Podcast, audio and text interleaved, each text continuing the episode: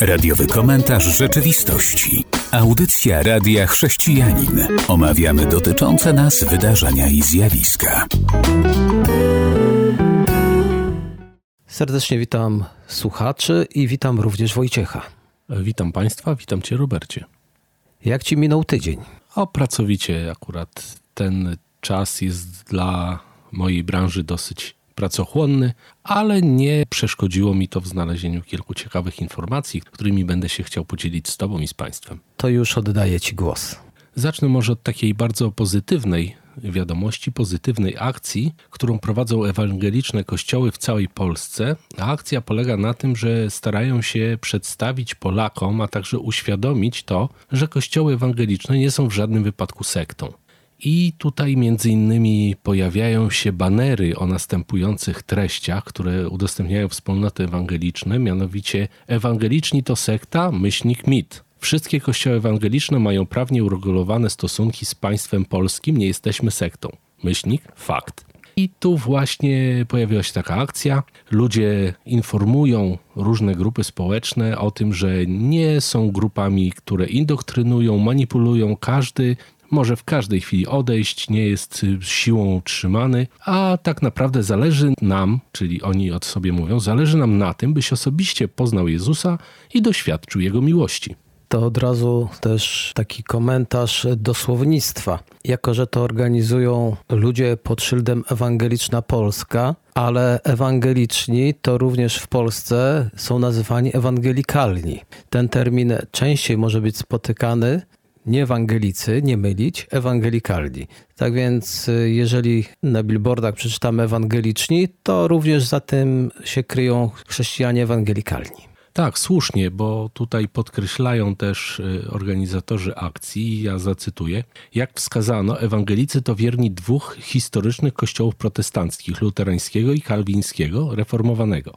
Jest ich na świecie ponad 170 milionów. Z kolei ewangeliczni chrześcijanie są nazywani także chrześcijanami ewangelikalnymi jest ich na świecie ponad 630 milionów. No to taka ładna liczba. W Polsce nie ma nawet procenta, ale bardzo dobrze, że chcą się pokazać, bo w Polsce jednak ta wiedza tym bardziej będzie mniejsza i będą się ludzie obawiać, no bo mniejszości, małych mniejszości, większość może się obawiać. No tak, myślę, że warto tutaj pokazywać ludziom, jak to wszystko wygląda, żeby wiedzieli, bo tak naprawdę brak wiedzy rodzi strach, a strach prowadzi do że tak powiem, odwrócenia się często i nie chcemy rozmawiać z kimś, kogo się boimy. A jeżeli przestaniemy się bać, myślę, że to otworzy drogę, żeby wielu ludzi mogło poznać Chrystusa. I to jest najważniejsze. Drugą informacją, też bardzo pozytywną uważam, to jest informacja, która pojawiła się z Chin.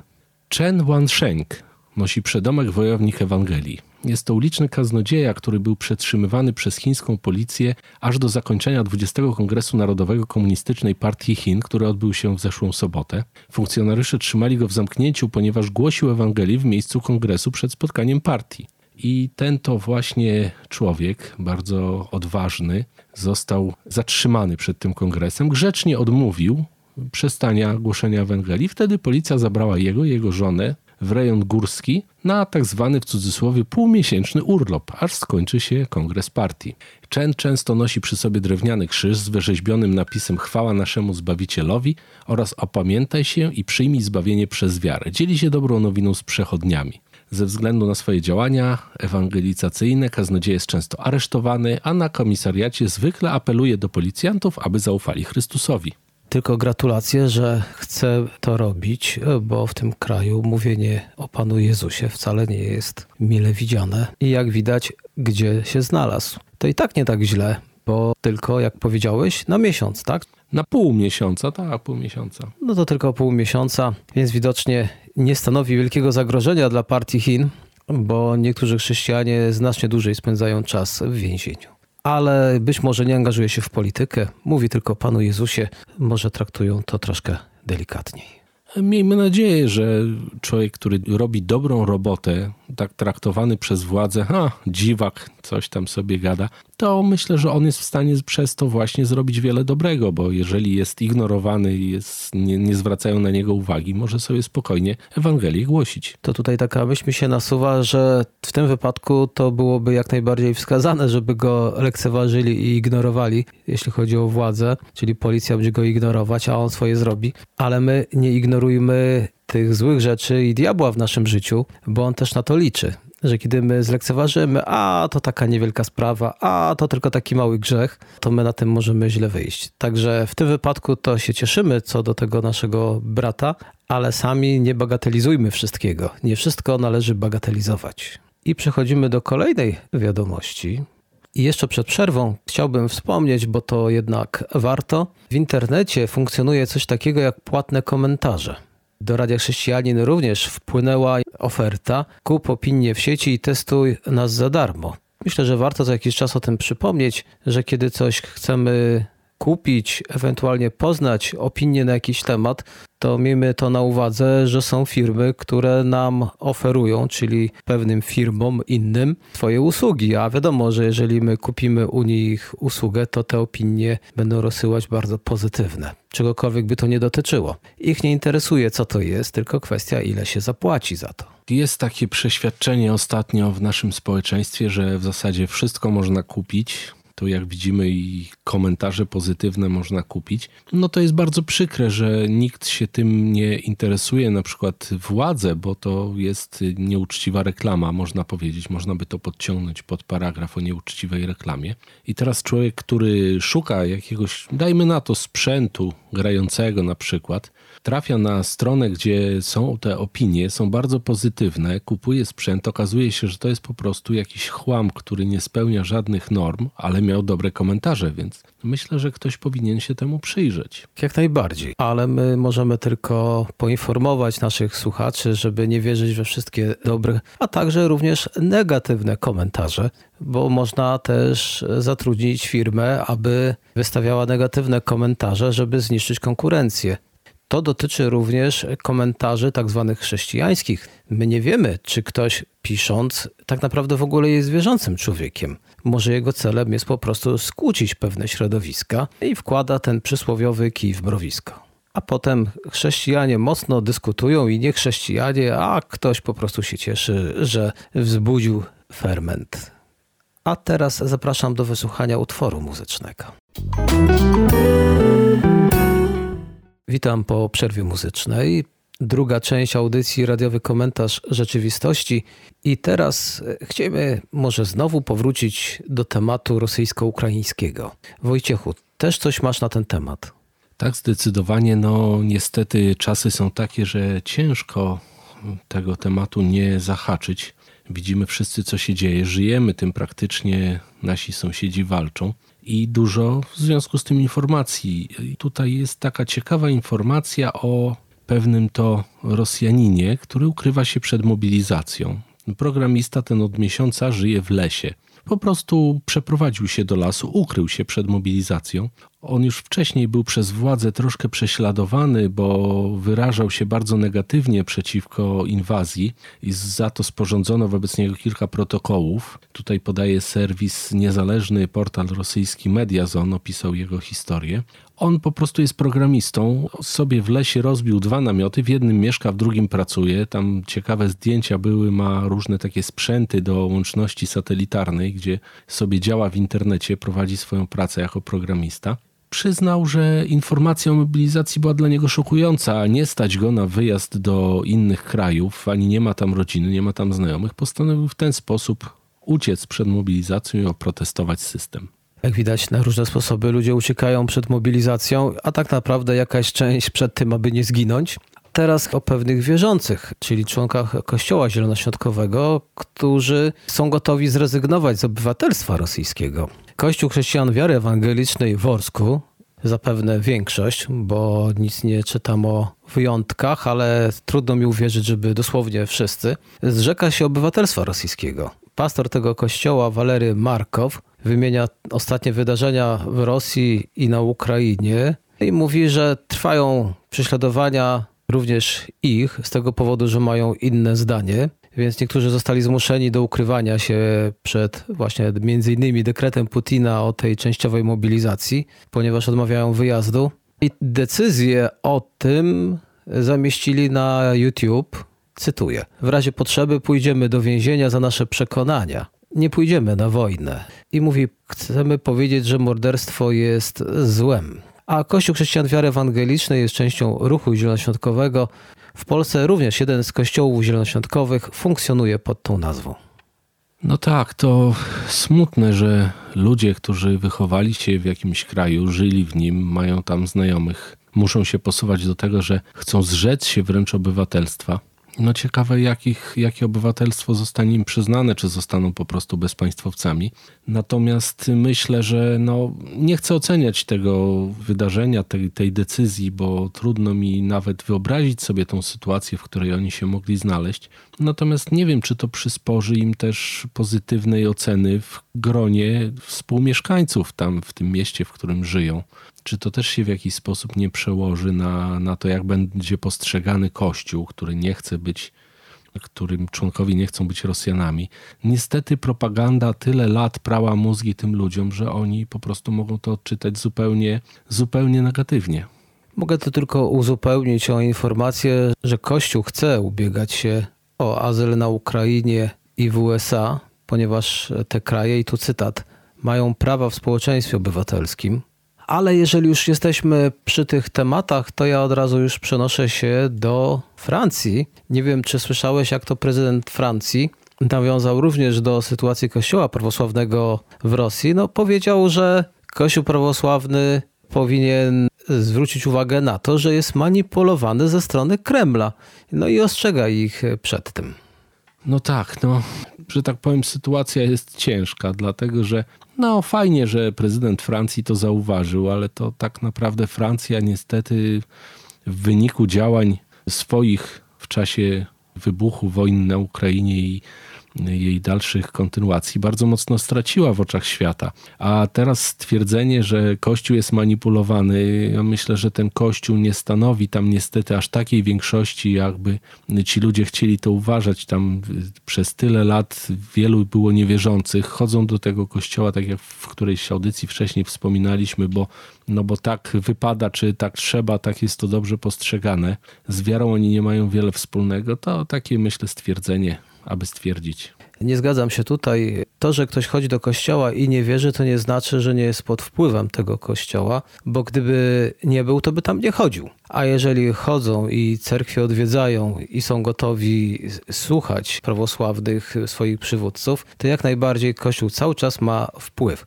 To nie ma znaczenia, czy ktoś jest wierzący, czy nie jeżeli tam chodzi i słucha i chce się utożsamiać, to możemy mieć inną definicję wiary. Może oni są po prostu niewierzący, ale praktykujący, ale to wciąż właśnie praktykujący te przekonania. A tutaj, jak on powiedział, władze rosyjskie manipulują rosyjską elitą prawosławną, ostrzegł prezydent Francji Emmanuel Macron podczas wizyty w Rzymie a rosyjska cerkiew prawosławna stanowczo zaprzecza naciskom Kremla. I tutaj chciałbym się odnieść do tego, że jakkolwiek jest, to i tak jest źle.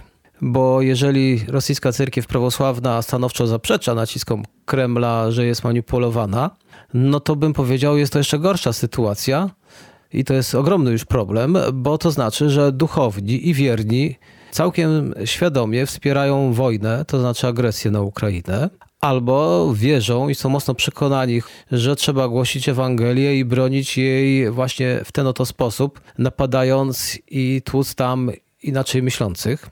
A jeżeli rzeczywiście by przyznali, że jest to manipulacja, to też oczywiście problem, tylko znacznie mniejszy, bo wtedy byśmy powiedzieli, że dali się okłamać przez Kreml i po prostu można byłoby powiedzieć, że nie są świadomi tego wszystkiego, co się dzieje, a nawet można by się posunąć do stwierdzenia, że po prostu naiwni więc jakby nie było, dwie sytuacje są złe, no ale jeżeli już ci z elity prawosławnej rosyjskiej zaprzeczają, że są pod wpływem jakichś nacisków Kremla, to znaczy, że jest gorzej niż by się to wydawało. Ja myślę, że sytuacja wygląda, jakby tutaj tak określić, jako trzecia strona tego medalu, o której nie wspomniałeś. Myślę, że to Kreml z, razem z Cyrylem rozdają karty. Ci wszyscy wyżsi urzędnicy duchowni tam też są powiązani w tej sprawie, a ludzie po prostu, tak jak wspomniałem, no propaganda zrobiła swoje. Oni, tak jak może i słusznie, że mówisz, że tutaj Kościół, chodzą do Kościoła, słuchają, są dalej manipulowani i myślę, że to bardziej wygląda w ten sposób, że to Kreml razem z Cyrylem i jego przyboczną gwardią tam rozdaje karty. Tylko, że jeżeli ktoś zdaje sobie sprawę, że jest tam źle, to do takiego kościoła nie chodzi, bo się z tym nie zgadza, tak jak tu wymieniliśmy wcześniej i zrobiłem to świadomie, jeśli chodzi o kolejność wiadomości, że tam pewien kościół zielonoświątkowy reaguje. A tutaj, jeżeli ci wierni chodzą i jak widać, dygnitarze mówią, że nie są zmanipulowani, no to znaczy, że jest źle. A jeżeli jest tam tak źle, to gdzie są ci, którzy uważają inaczej? Bo gdyby uważali inaczej, to podejrzewam, żeby zaczęli opuszczać ten kościół prawosławny. Mówimy o Rosji. Ewentualnie ci duchowni zaczęliby masowo uciekać i byśmy usłyszeli o tym, że przylatują do innych krajów i proszą o azyl a tu nic takiego nie słyszymy. Miałem nadzieję, że tam jeszcze w tym kościele prawosławnym są jacyś duchowni i ludzie, którzy są w opozycji, ale tu się okazuje, że jeżeli nawet jest ta opozycja, to siedzi cicho. No zapewne. Ja bym chciał y, tą część o Rosji zakończyć takim światełkiem w tunelu. Może to nie jest bardzo duże światełko, ale, ale jest, ale jest. Otóż pojawiła się informacja, że Jewgeni Prigorzyn, to jest twórca grupy Wagnera, najemników, którzy walczą w Ukrainie, którzy walczyli w różnych częściach świata, że tak powiem, pod, pod kierownictwem Rosji, zaczął oskarżać różnych oficjeli w kraju zajętym przez Rosję tam w Ukrainie, którzy zostali tam przez z nadania Rosji postawieni. On, chodzi o to, że on buduje tak zwaną linię Wagnera, to jest pasmo umocnień na północnym wschodzie Ukrainy, jakby żeby zatrzymać postęp właśnie Ukraińców w, odzyskiwaniu swojego kraju.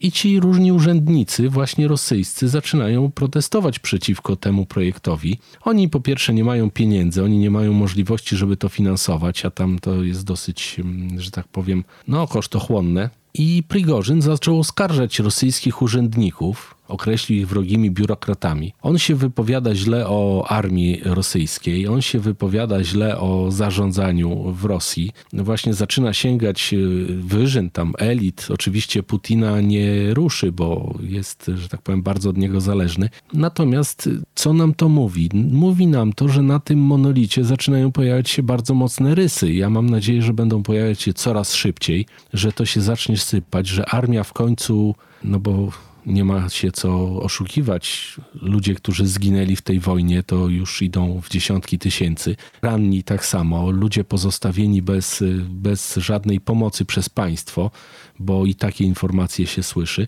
że armia się w końcu zbuntuje, ludzie się zbuntują i troszkę tam potrząsną Kremlem i może ktoś w końcu zleci ze stołka. A teraz posłuchajmy utworu muzycznego, a po nim część trzecia.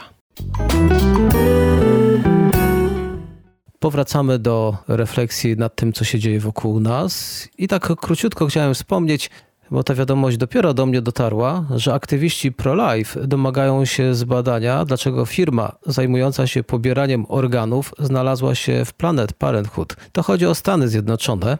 Widziano mężczyznę, który opuścił klinikę aborcyjną z torbami, które następnie umieścił w lodówce i odjechał samochodem, na którym widniało logo firmy zajmującej się pozyskiwaniem narządów związanym z Uniwersytetem Pittsburgh. To się tam ludzie mocno zdziwili i teraz mocno dyskutują nad tym tematem, bo nawet i w Stanach Zjednoczonych nie wolno z klinik aborcyjnych brać narządów do tego, aby potem nad nim w jakiś sposób pracować, a tutaj coś dzieje się za plecami. Takie rzeczy bulwersują. Mam nadzieję, że on jednak w tych torbach to miał całkiem coś innego. No, myślę, że jeżeli zostało to zauważone przez kogoś, to odpowiednie władze się temu przyjrzą. Miejmy nadzieję, że doczekamy się jakiejś informacji, co tam się zadziało. W oświadczeniu dla serwisu Christian Post O'Brien powiedziała, że próbowała zapytać kierowcę o zawartość toreb, ale ją albo zignorował, albo jej nie usłyszał. Także różne rzeczy się dzieją na świecie, nie o wszystkich wiemy wiele, ale już przechodzimy do następnej. Wojciechu. Ja tu taką ciekawostkę zauważyłem ze Stanów Zjednoczonych. Otóż e, odbyło się seminarium Kościoła Chrześcijan Baptystów, na którym została podjęta jednogłośnie rezolucja stanowiąca, że tylko mężczyźni mogą być pastorami. Jest to taka, można powiedzieć, pośrednio reakcja na to, że ordynowano przez Kościół Saddleback pastora Ricka Warrena trzech kobiet na pastorki, tak w cudzysłowie tu napisano, w ubiegłym roku. Tutaj właśnie jeden z tych członków tego seminarium baptystycznego napisał wówczas artykuł, w którym skrytykował taką ordynację jako sprzeczną z Pismem Świętym, jako próbę redefiniowania zasad wiary. Tutaj zacytuję: Kwestie teologiczne nie uległy zmianie od roku 2000, gdy południowi baptyści przemówili w sposób wyraźny i precyzyjny w przesłaniu wiary baptystów. Co więcej, Pismo Święte również się nie zmieniło i nie zmieni. Koniec cytatu. Kościół ten też się wypowiedział, że nie chce opuścić konwencji południowych baptystów z powodu wspierania kobiet pastorów, bo to jest taki znany megakościół w Kalifornii. On jednak ma, jak widać, odmienne zdanie, ale te dyskusje toczą się od wieków. Czy kobiety mogą być duchownymi, czy nie? Dyskusja ta trwa we wszystkich kościołach chrześcijańskich, więc pewnie nie umilknie. Myślę, że będziemy coraz częściej widzieć kobiety, które będą pełnić funkcje pastorów, księży. I my tu też na antenie, gdybyśmy chcieli troszeczkę wzbudzić emocji u naszych słuchaczy, to moglibyśmy ten temat dalej podjąć i przedstawić za i przeciw, ale to zostawimy tym, którzy są w swoich kościołach, bo tam na pewno dyskusje te już trwają. Ale informacja, prawda, jest ciekawa i zobaczymy, co się będzie działo na świecie. Nie tylko w Polsce. Wiesz, jakie święto jest obchodzone przez kościoły protestanckie 31 października? Nie wiem, ale chętnie się dowiem. Święto Reformacji, czyli pamiątka Reformacji. Obchodzone po raz pierwszy było w Saksonii w 1667 roku i wiemy już co upamiętnia, czyli dzieło odnowy reformacji Kościoła chrześcijańskiego. A wiesz jak się rozpoczęło? Taki symbol, tak wiesz? Nie wiem, nie wiem do czego zmierzasz. Zmierzam... Przybicia tes? Dokładnie. Na kościele? Tak, że Marcin Luther Wittenberdze ogłosił 95 tez. To, czy przybił je do drzwi, to jest to wciąż niepewne. Coraz częściej niektórzy historycy i badacze wątpią, że to tak miało miejsce, ale na pewno zostały one wygłoszone, czyli ogłoszone i rozpoczęły albo dały początek reformacji. Tu pewnie co niektórzy słuchając nas się zdziwią, że coś z tymi drzwiami to jednak niekoniecznie musiało tak być.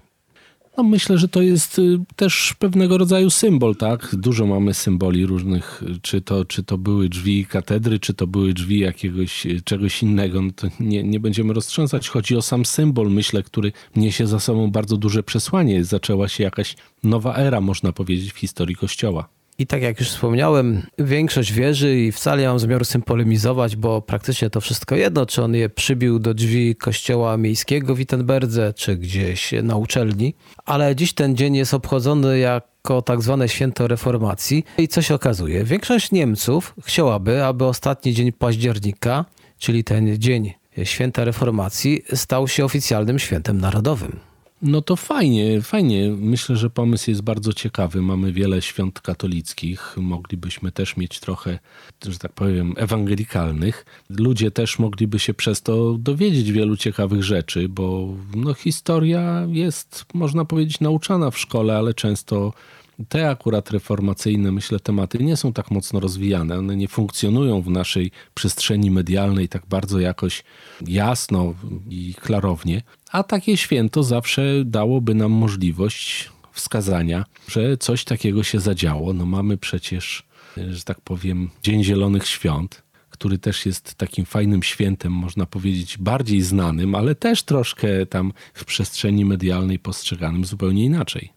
Nie wiem, czy zwróciłeś uwagę, powiedziałem, że większość Niemców chciałaby. Jeżeli Polacy by chcieli, to pewnie mogliby dać temu wyraz poprzez jakieś, nie wiem, chociażby głosowanie. Dlatego, że wśród nawet katolików w Niemczech jest poparcie. Nawet jeżeli można było powiedzieć, wnioskując to po ankiecie, że większość katolików popiera ustanowienie Dnia Reformacji jako święta państwowego. Takie badanie nie tak dawno zostało wykonane. I ta informacja pochodzi ze strony katolickiego portalu niemieckiego. Tak, tak, ja to zauważyłem, tylko zrobiłem taki skrót myślowy, że tak powiem przeskok. Można powiedzieć, że fajnie by było, gdyby i u nas coś takiego zafunkcjonowało w tym sensie. Jeśli chodzi o Polskę, to obawiam się, że jeszcze długo trzeba byłoby na to czekać, chyba że nikt nie będzie pytał o zdanie Polaków, tylko po prostu zostanie to wprowadzone jakimś tam dekretem w Sejmie. Lewica poprze, no bo czemuż by nie. Będzie chciała w jakiś sposób pokazać swój sprzeciw wobec e, katolickich przeróżnych działań i poglądów. To miałoby wtedy tak sens, ale dopóki PiS jest u władzy, to podejrzewam, choć kto go wie, może i po stronie PiSu znaleźliby się też tutaj zwolennicy. Ja myślę, że tu bardziej chodzi o to, że nie, że zapytanie o to kwestię społeczeństwa, tylko zapytanie o tą kwestię Kościoła katolickiego, bo to jest bardziej dla mnie groźne. Ja myślę, że w Kościele katolickim też byłyby rozbieżne opinie, bo to jest właśnie społeczeństwo Kościoła katolickiego. Co innego oficjalnie, co Kościół katolicki by mógł powiedzieć. Pewnie też nie byłby przeciwko, bo źle by to wyglądało. No, jednak żyjemy w jednym kraju. Jedyny argument, który przemawia za tym, żeby nie, no jest to jednak mniejszość w Polsce i to taka duża mniejszość, więc dlaczego miałoby być to święto narodowe, kiedy Polska ma inne tradycje? A 69% protestantów w Niemczech chce, aby Dzień Reformacji był świętem państwowym. Jak widać, nawet nie wszyscy, ale wspierają ich dzielnie również katolicy, więc niewykluczone, że w Niemczech wkrótce ten temat powróci i będą mieli dodatkowe święto. I w związku z tym, że zbliża się święto reformacji, najlepsze życzenia wszystkim protestantom. Najlepsze życzenia. Dziękuję za uwagę. Do usłyszenia. Do usłyszenia. Był to radiowy komentarz rzeczywistości.